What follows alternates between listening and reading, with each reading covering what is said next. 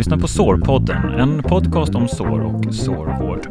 Vi diskuterar sårbehandlingar, förband, bedömningar, omläggningar och mycket, mycket mer.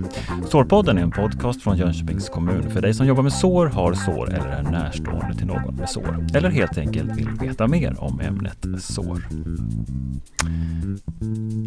Ja, nu kör vi igen. Det gör vi. Hej Malin! Hej Johan! Hur är läget? Jo men det är bra. Det är varmt. Det är varmt. Just nu när vi spelar in det här så är det faktiskt någon form av värmebölja som har legat Mm. över Sverige ett tag. Ja, Och Jönköping. ja men det, det är skönt men varmt. Jätteskönt. Man får ju en härlig sommarkänsla Ja, faktiskt. det är bra. Eh, Så får vi se när, man, när, när, när, när ni lyssnar på detta avsnittet hur Mm. vädret är då. Ja. Om man ska drömma sig tillbaks till hur det Mm. var. Men eh, vi hoppas väl på en fin och varm sommar. Det gör vi. Eh, vad har du gjort sen senast då Malin? Vad har jag gjort sen senast? Jag har eh, arbetat lite helg bland annat. Och sen har jag varit på gymnasieskolor och föreläst lite grann. Mhm. Om sår givetvis då. Ja precis. Vad annars? väl, ja, vad skulle det annars vara? Nej, jag vet inte. Men det måste ju slinka in någon annan fråga också eller? Nej, Nej det är så. vi är extremt såriga på de här Ja. tillfällena. Men hur bjuder de in då? Alltså, gymnasieeleverna, de, de läser det till um, undersköterskor eller? Kan man säga.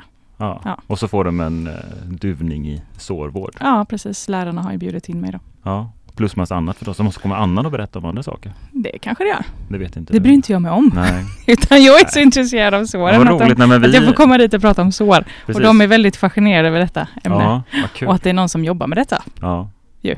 Ja, du jobbar ju 100% Ja, med sår Ja, och typ. sårvård. Ja, roligt. Nej, men Ja. det, där ligger vi lite fram, i framkant Jönköpings kommun. ja Som vi är har- stolta över. Mm, verkligen. Vad har du gjort då Johan?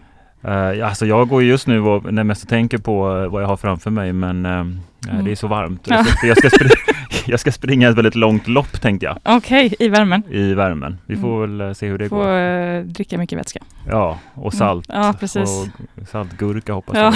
precis. Ja, vi får se hur det blir. Ja, Mm, men annars så kör jag på som vanligt gött. eh, kan man säga. Ja. Bra. Dagens avsnitt eh, när jag läser i våra anteckningar så handlar det om diabetesfoten. Ja, det gör det. Mm. Man kan inte prata sår utan att prata diabetes, fötter eller foten. Nej. Och eh, då måste man ju ta hit någon som är väldigt bra på det här. Mm. Och då har jag bjudit in en gäst. Så välkommen. Tack för det.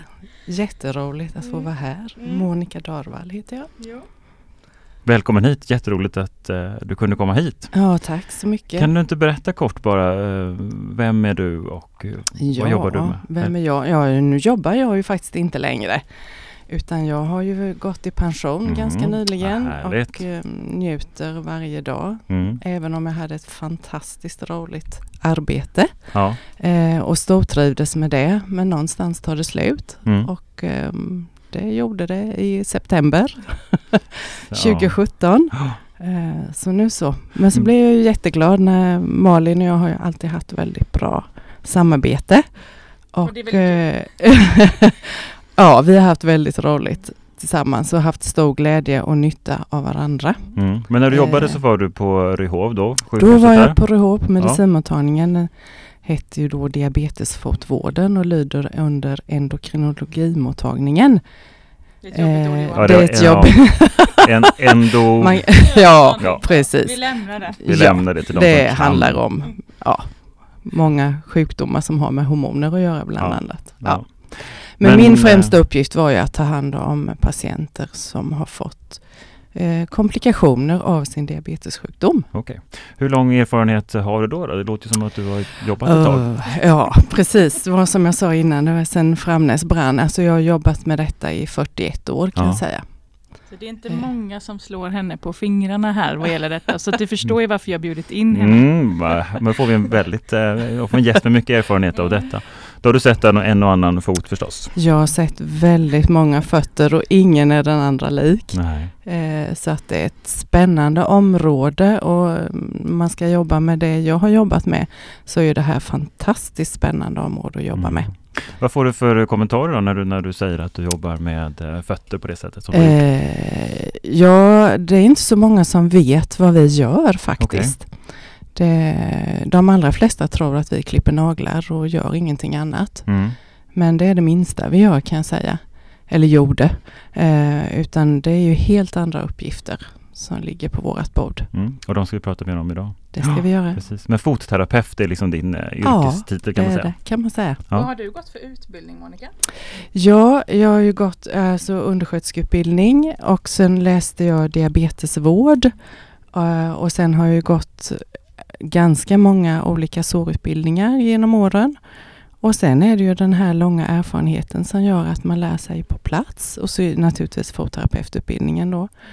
Eh, och idag är det ju så att jag jobbar en, ja, några år på Munksjöskolan som lärare för fotterapeututbildningen. Ja, sju blev det väl till slut. Men, det var några, några år, ja men i alla fall, då var ju inte utbildningen så lång och man hade inte de inträdeskraven som är idag. Idag måste du ha en grundläggande sjukvårdsutbildning, så lägst undersköterskeutbildning och sen bygger du på med tre terminer och läser medicinsk fotterapi. Eh, Så att idag är den ju ganska gedigen kan man säga. Men det är ingen legitimation Nej, det är ju inte det och det är ju Det är något synd. som gör det jättesynd och det har vi kämpat för i hur många år som helst och det görs fortfarande. Eh, Men det är lite faktiskt så att fötter är inte så intressant. Om man tänker på vad, vad man gör och, och vad saker och ting kan leda till så är det ju riktigt allvarligt. Så man borde ju på något sätt, för mig är det självklart. Ja, för oss är det själv, där är ju fötterna huvudsaken, så är det ju alltid och kommer alltid att vara. Men, nej, men jag tror att, jag vet inte om det hänger ihop med att redan som barn får du höra uff nej, ner med fötterna från bordet, Eh, de luktar illa och ja, massa sådana olika fördomar som finns om fötter. Och sen har väl inte, mm, jag tror inte att man man har inte lagt så stor energi på att förstå att fötterna har så stor betydelse när det gäller i synnerhet våra diabetiker då och många, många andra också. Vi har reumatiker, psoriatiker. Det finns många grupper som har det kämpigt med sina fötter.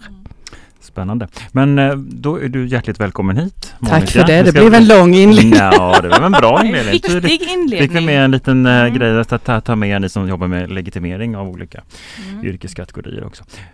Nu är det så här, vi har ett samtal eh, Mm. som vi brukar ha i vår podd Mm. och det är ju Malin och eh, Monica som står för eh, man säger, expertkunskapen här. Jag ställer frågor. Det är kul när vi har gäster för då ju, brukar det bli så att Malin och eh, gästen brukar liksom, det blir lite extra. Det blir lite extra när två eh, väldigt engagerade personer möts. Som har.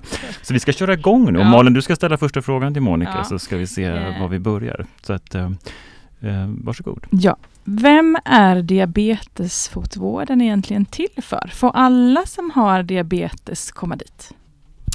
Nej, inte om man tänker de eh, patienter som kommer till sjukhusets diabetesfotvård.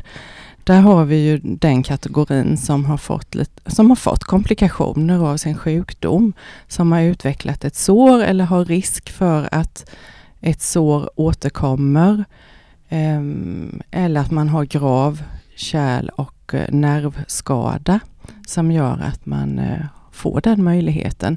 Sen finns det ju andra möjligheter för de patienterna som inte har fått några ehm, påtagliga bekymmer med sina fötter. Det finns fotterapeuter ute på stan som har avtal med olika vårdcentraler. Ehm, nu vet inte jag exakt hur många det är idag. Men annars är det ju privat fotvård som gäller. Men om man tittar, alltså om man går förbi på stan så finns det ju jättemånga olika salonger som både är ansiktsbehandlingar och fotvård och det ena med det tredje. Men kan jag som då, om man är diabetespatient, kan jag bara gå in på någon sån och liksom så här, nu ska jag, vill jag ha lite fotvård här? Alltså det är ju jättesvårt för mig att säga. Vi brukar ju egentligen inte rekommendera någon, alltså för att Förstår du? Jag menar att man liksom...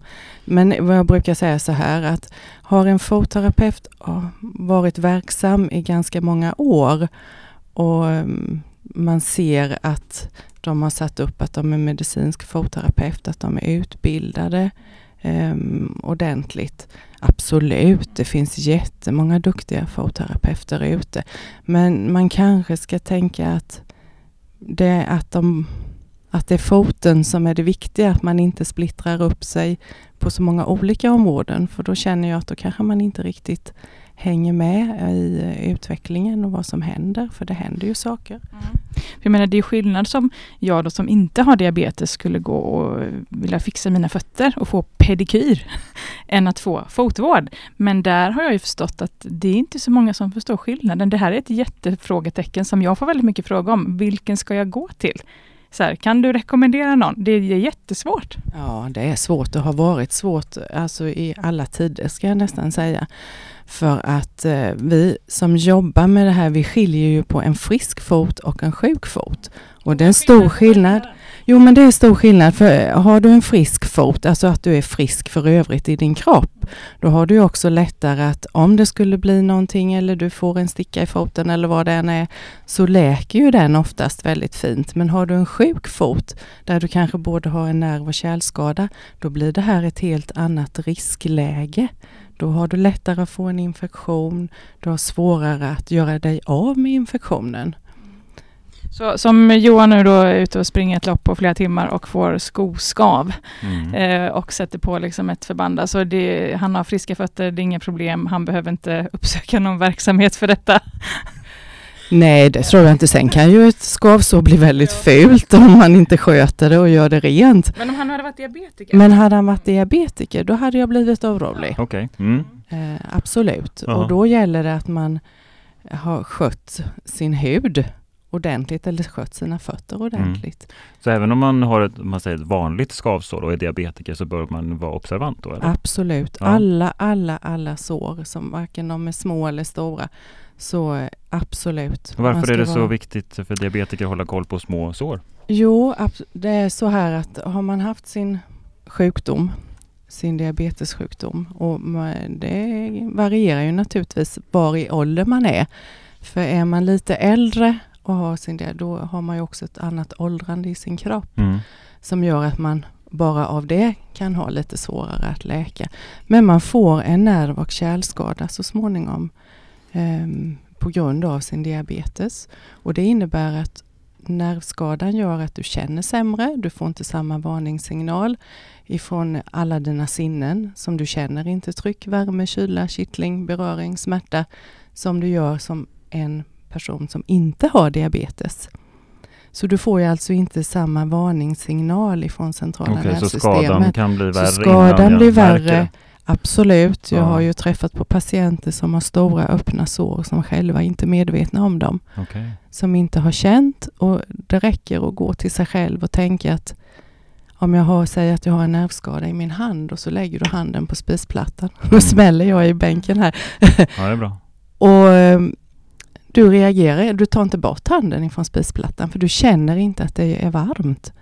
Det är precis samma sak som händer med fötterna. Mm. Ehm, du känner absolut inte om du har fått en sticka eller en spik eller vad det nu än må vara. Jag har ju stött på mycket genom åren.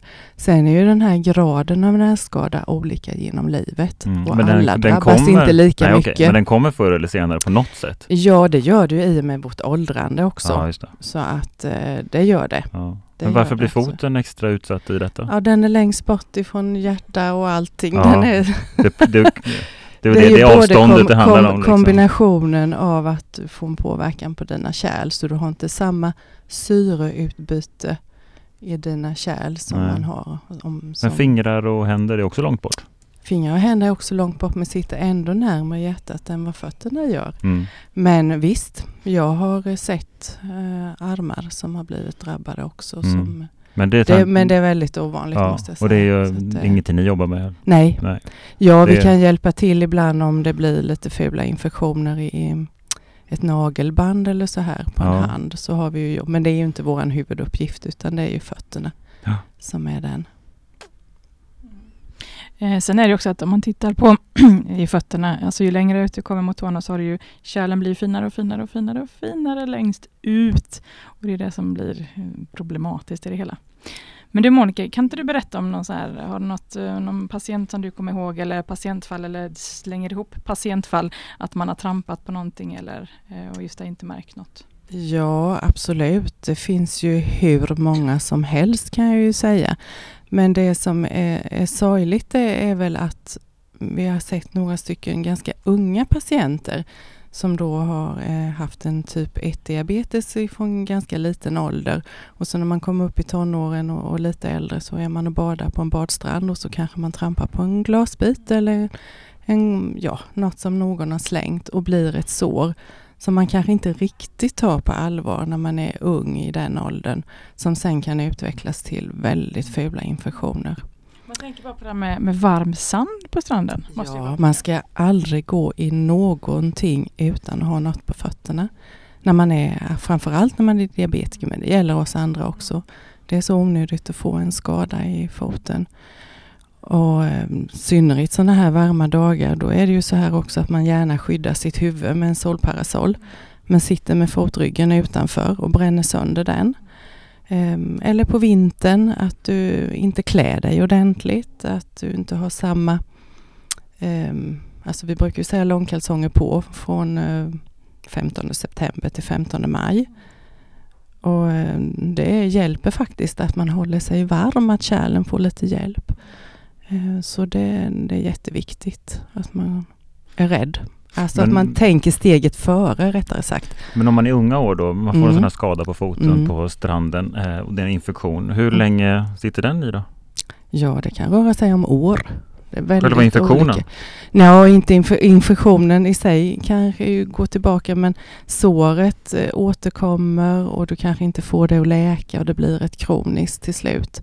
Alltså att eh, Nej, det, det, är svårt att få det att riktigt, men det här är ju inte det absolut vanliga. Nej, men nej, det är ju sånt precis. som kan inträffa. Så man, man ska, ska vara, man ska vara väldigt um, varsam. Alltså det, det här gamla ordspråket små sår och fattiga vänner ska man inte förakta. Och så är det verkligen när det gäller det här. För att eh, sen är det svårt. Alltså man, är man i den åldern, säg 20-25, så tänker man ju inte 20-25 år framåt i tiden. Utan det är så mycket annat man ska tänka på. Man ska sköta sig och man ska... Köpa snygga skor och sådär. Man ska ligga bra i blodsocker. och man ska, det är så mycket krav så ibland så känner man väl kanske att jag orkar inte mer. Man får inte glömma det att Nej. patienterna har så mycket som de ska leva med Men har man inte märkt att det har förenklats ändå med pumpar och Absolut. Och det här att liksom, livet är ändå kanske lite mer ja. enklare jo, för en diabetiker. så är det ju naturligtvis. Att det är stor skillnad jämfört med när man skulle koka nålar och allt vad det var ja, på den tiden ja. när vi pratar gamla tider. Så. Men vad som är svårt att ta till sig och som även vårdpersonal har svårt att förstå, det är just den här nervskadan. Att man inte känner, för du kan, du kan ju inte fråga någon um, Säg att du jobbar i en skobutik och så kommer det in en patient som säger att jag har diabetes, kan du hjälpa mig med skor? Ja, så tar man fram ett par skor och så provar, och så provar patienten och säger ja men den sitter jättebra. Och så om man, man tittar sen så kanske de har böjt sina tår så här. Aha. För har man en nervskada eh, så har man ju svårt att känna och mm. då vill man gärna känna att någonting sitter på, att det sitter åt lite grann. Och då väljer man oftast tyvärr en för liten sko. Så jobbar man i en skobutik och patienten själv talar om att de är det så kan man gott ta fram en mätsticka och mäta. Mm. Så man verkligen ser... Nej, det vet de, nej, det vet de inte. ja, men, är, men eh, om man, vet man om det som diabetiker att man bör eh, upplysa om det? Eller? Ja, alltså vi, när vi eh, pratar egenvård med våra patienter så säger vi det väldigt ofta till dem att mät skorna, mät, det är inte skämmigt, det är inte bara barn som ska mäta. För man kan ha olika storlek på sina fötter, mm. så man kanske behöver ha olika stora skor. Så det är jätteviktigt att man gör det när man inte kan känna själv. Men jag då som här, kan gå på stan och så tittar jag skyltfönstret och ser ett par så snygga pumps med en decimeter hög klack. Och så vet jag att när jag har gått på fest och använt dem en kväll så kommer jag ont i mina fötter. Men det är okej, okay, för att jag är frisk. Men om det här hade varit en person med diabetes, så vad hade hänt då? Ja, det kan ju bli väldigt fula skador utav att man... Så det är sådana här som vi kallar för sittskor. Alltså man får inte gå i dem. De ska man bara sitta i och se fin ut. det, ja, du vet inte hur många skor jag har slängt och hur många som har blivit arga på mig genom åren för jag har tagit dem och slängt dem i soptunnan och sagt att du går inte härifrån i dem. Men det är rätt spännande det här just med skor tycker jag, för att när jag träffar eh, patienter som har diabetes i mitt arbete, så frågar jag alltid, vad, vad, vad har du för skor? Och så varför vill du titta på dem? Jo, men det måste jag göra, för det ingår i mitt jobb. Och så börjar man titta på dem och det är ju det ena och det tredje. Så att de här är nog inte så bra för dig. Skulle du kunna tänka dig kanske gå och köpa några andra skor som är lite mjukare och lite, ja, alltså för man vill ju ha de här fina, men jag har dem inte så mycket och det kan ju inte spela någon roll. Jo, det gör det. Ja, det är ju just det här och tyvärr är det ju så att, och det har ju min erfarenhet visat sig, att det är ju inte för den dagen det har hänt någonting som man verkligen förstår hur viktigt det är det man har försökt att förmedla. Och det är ju bara att gå till sig själv, så är vi ju som människor. Men det är oerhört viktigt med en bra sko för det är så mycket skador av felaktiga skor och tyvärr så ser vi att de här om vi nu ska kalla dem, jag vet inte vad vi ska kalla de här skorna, men moderna, alltså, de börjar ju så tidigt i ålder så att även små barn ser man ju ibland trippa runt i vuxenskor rent ut sagt. Och det är sorgligt. Jag ser ibland också det att om, om, man nu träffar en patient som har ett sår någonstans på foten och så när man tittar och känner i skorna så kan man nästan, alltså ibland hitta den här lilla sömmen som har skavt, bara den här lilla, lilla sömmen och att det lilla kan göra så himla mycket. Och sen när man förklarar det här att ja, men det är nog detta om du känner här. Och så nej, det kan inte liksom ha gjort något. Jo, det kan det ha gjort. Ja, och det är ju det som är så svårt att förstå. Att det här verkligen, verkligen lilla kan göra så stor skada. Eh, och det är liksom, jag brukar försöka förklara för patienten att om jag trycker på din arm så här timma ut och timma in till slut så dör ju vävnaden. Och det är ju vad som händer i skon när du har den. Det blir helt enkelt ett trycksår. Så det, jag brukar säga ibland att eh, diabetespatienter kan få trycksår där andra friska individer vanligtvis inte får det. Ja, det, ja no, men så kan man nog säga. Ja, precis. Och det är viktigt vad man väljer för strumpor, att de sitter bra, att det inte är mycket sömmar på som kan trycka, för det är också sånt som kan trycka sönder. Alltså det kan låta otroligt, men så är det. Um, bara att man sitter, jag tänker på patienter som kanske sitter i rullstol eller ligger mycket i säng. Att man verkligen som personal tänker att här har vi en patient som har diabetes som förmodligen beroende lite på ålder, har fått en nervskada. Ja, men då måste jag kanske komma ihåg och säga du ska nog byta ställning lite nu och ändra dig. För man gör inte det naturligt när man har den här nervskadan. Du och jag och andra som eh, är friska, vi flyttar ju och ändrar. Vi känner ju det hela tiden, men man gör inte det naturligt när man har den här nervskadan. Jag tänker på det här med skor, eh, för det är viktigt även att de här patienterna har skor inomhus. Ja, absolut. Det, lite, det, brukar man ju kanske normalt sett inte ha i Sverige. Nej, nej, det finns ju vissa som går i sådana här ladder som vi säger, eller tofflor då. och där är ju också jätteviktigt för oss som personal som har hand och, och sköter om såren att vi frågar hur ser din skogarderob ut? Vad har du? Ta med dig allihopa nästa gång så jag får se hur det ser ut. För många gånger kan det vara de där skorna som du har ifrån dörren ut i soptunnan eh, som är det som är, är, viktigt, så att vi får bort att man inte använder dem. Och nu hoppar vi ju lite i ämnena här, men det, när man, det blir så. Men när man har fått en så kallad behandlingssko, när man har ett sår och har fått en behandlingssko som man ska ha, då är ju den ett led i behandlingen. Och den ska man ha både ute och inne. Den ska... Och det, det ska låta lite märkligt. Ja, det kan det, men det är likväl som du skulle ta förbandet när du kommer innanför hallen så, så ska ju skon sitta kvar för den är, den är med i behandlingen av ditt sår. Men om man tänker då innan den här skadan har uppstått, varför är det då bra att ha skor eh, inomhus då? Ja, dels för att du får stöd, för oftast eh, om vi nu pratar patienter som kanske är lite äldre, att man har fått ett nedsjunket förfotsvalv så att man behöver ha lite stöd. Och sen är det ju, och även i hemmet, risk att man kanske tappar ett glas eller du tappar någonting annat som gör att du kan göra dig illa. Och så framför allt att du ska få ett gott stöd när du går inne och hålla balansen ordentligt. Ja, för den blir också försämrad med ja, allting. Ja. ja. När du inte känner hur du ska... Nej, ja. Det Fötter, fötterna gör så otroligt mycket som vi inte tänker på. Du bara ja. tänker att du ska springa. Ja, precis.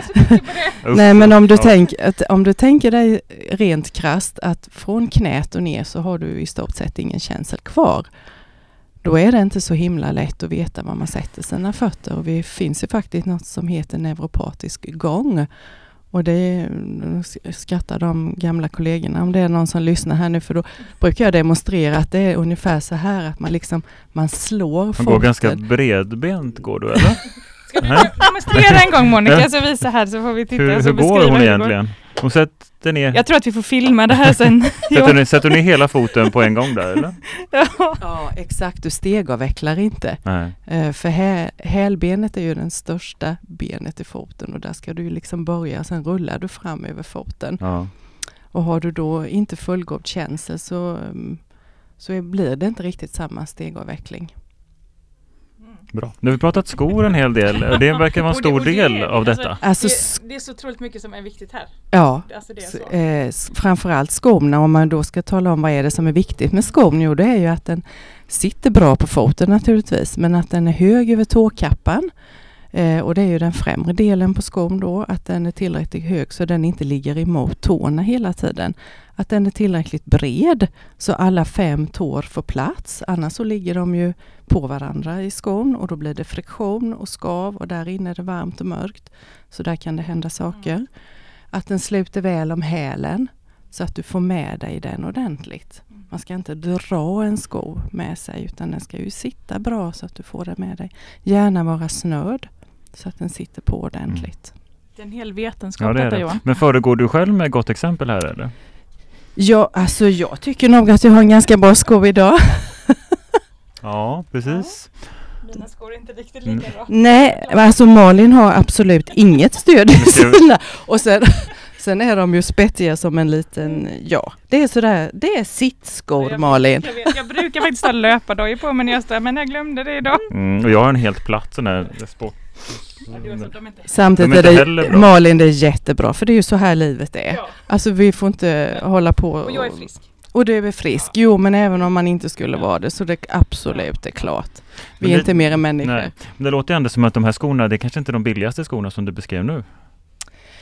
Alltså det är ju frågan vad man vill lägga sina pengar på höll jag på att säga. Det här är ju lite av en livförsäkring. Ja. Att man har en bra sko som verkligen eh, sitter ordentligt på foten. Och du klarar dig ju, säg att du har en bra vinterkänga. Du har kanske en bra eh, vårsko, alltså en, vad ska jag säga, en promenadsko. En bra sko som du kan ta dig fram i. En lite lättare sko eller sandal på sommaren. Så, och den här vårskon kan du ju även ha på hösten. Så säg att du har fyra par Mm. kanske som du alternerar lite emellan. Um, om jag vi nu som ska... har 50 par skor i min Ja, garderob för så blir det det blir ju- ungefär samma sak. Nej men alltså det, det är lite som det här med att eh, varför kostar det att gå och göra vid sina fötter? Ja, vad kostar det att göra vid håret? Eh, det syns, fötterna syns inte. Det är lite samma sak. mm. Det måste få kosta. Får. Alltså vi går på dem precis hela tiden, stackars fötter. Nej men det är de som bär dig genom livet och de är förhoppningsvis med dig hela livet. Eh, så att eh, nej, Men kan man säga generellt att de här skorna också är bättre kvalitet, att de håller längre eller så?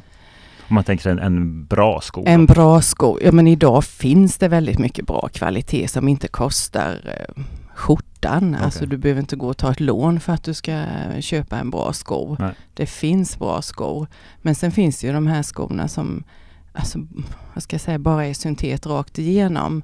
Där det inte andas och det är inte, mm, ja, det, det är inga bra skor. Det känner du nästan när du provar. okej. Du ser det på priset dessutom. Mm. För tyvärr är det väl lite så att eh, det får inte vara för billigt för då är det inte riktigt bra. Nej. Men hamnar du någonstans mitt emellan de här som är svindyra som du köper när du löper. Mm. ehm, Ja, så kan det vara. nej, nu nu Så lät kan det som en tik. Så, Så kan det vara. ja, Ja. Nej, Det ska ju vara, det går ju snabbare då när de är Ja, det dyra. går ju fortare. måste, måste Det vara. bär dig Ja. Ja. nej men alltså ett, ett mellan. Du hittar ju en bra sko.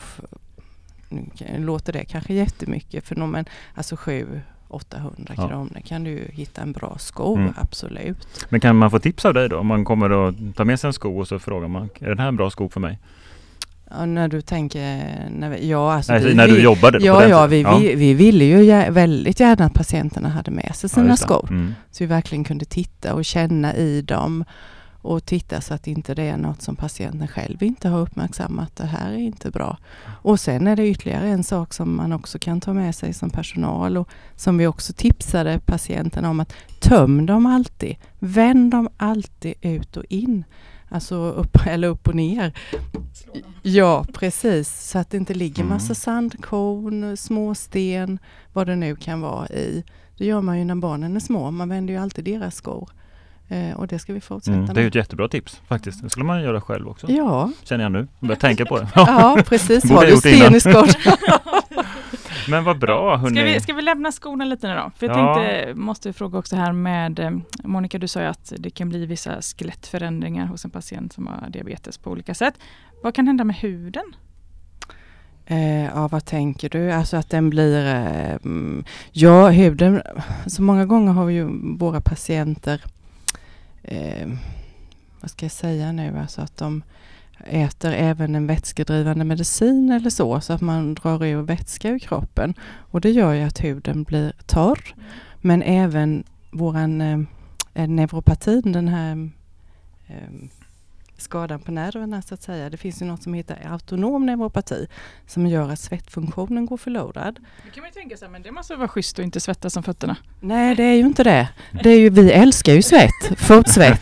Det är det bästa som finns. Fotterapeuter alltså. Ja, ja, du, Är det så jag ska tolka? ja det är, det är Det är en så. lit, liten störning vi har.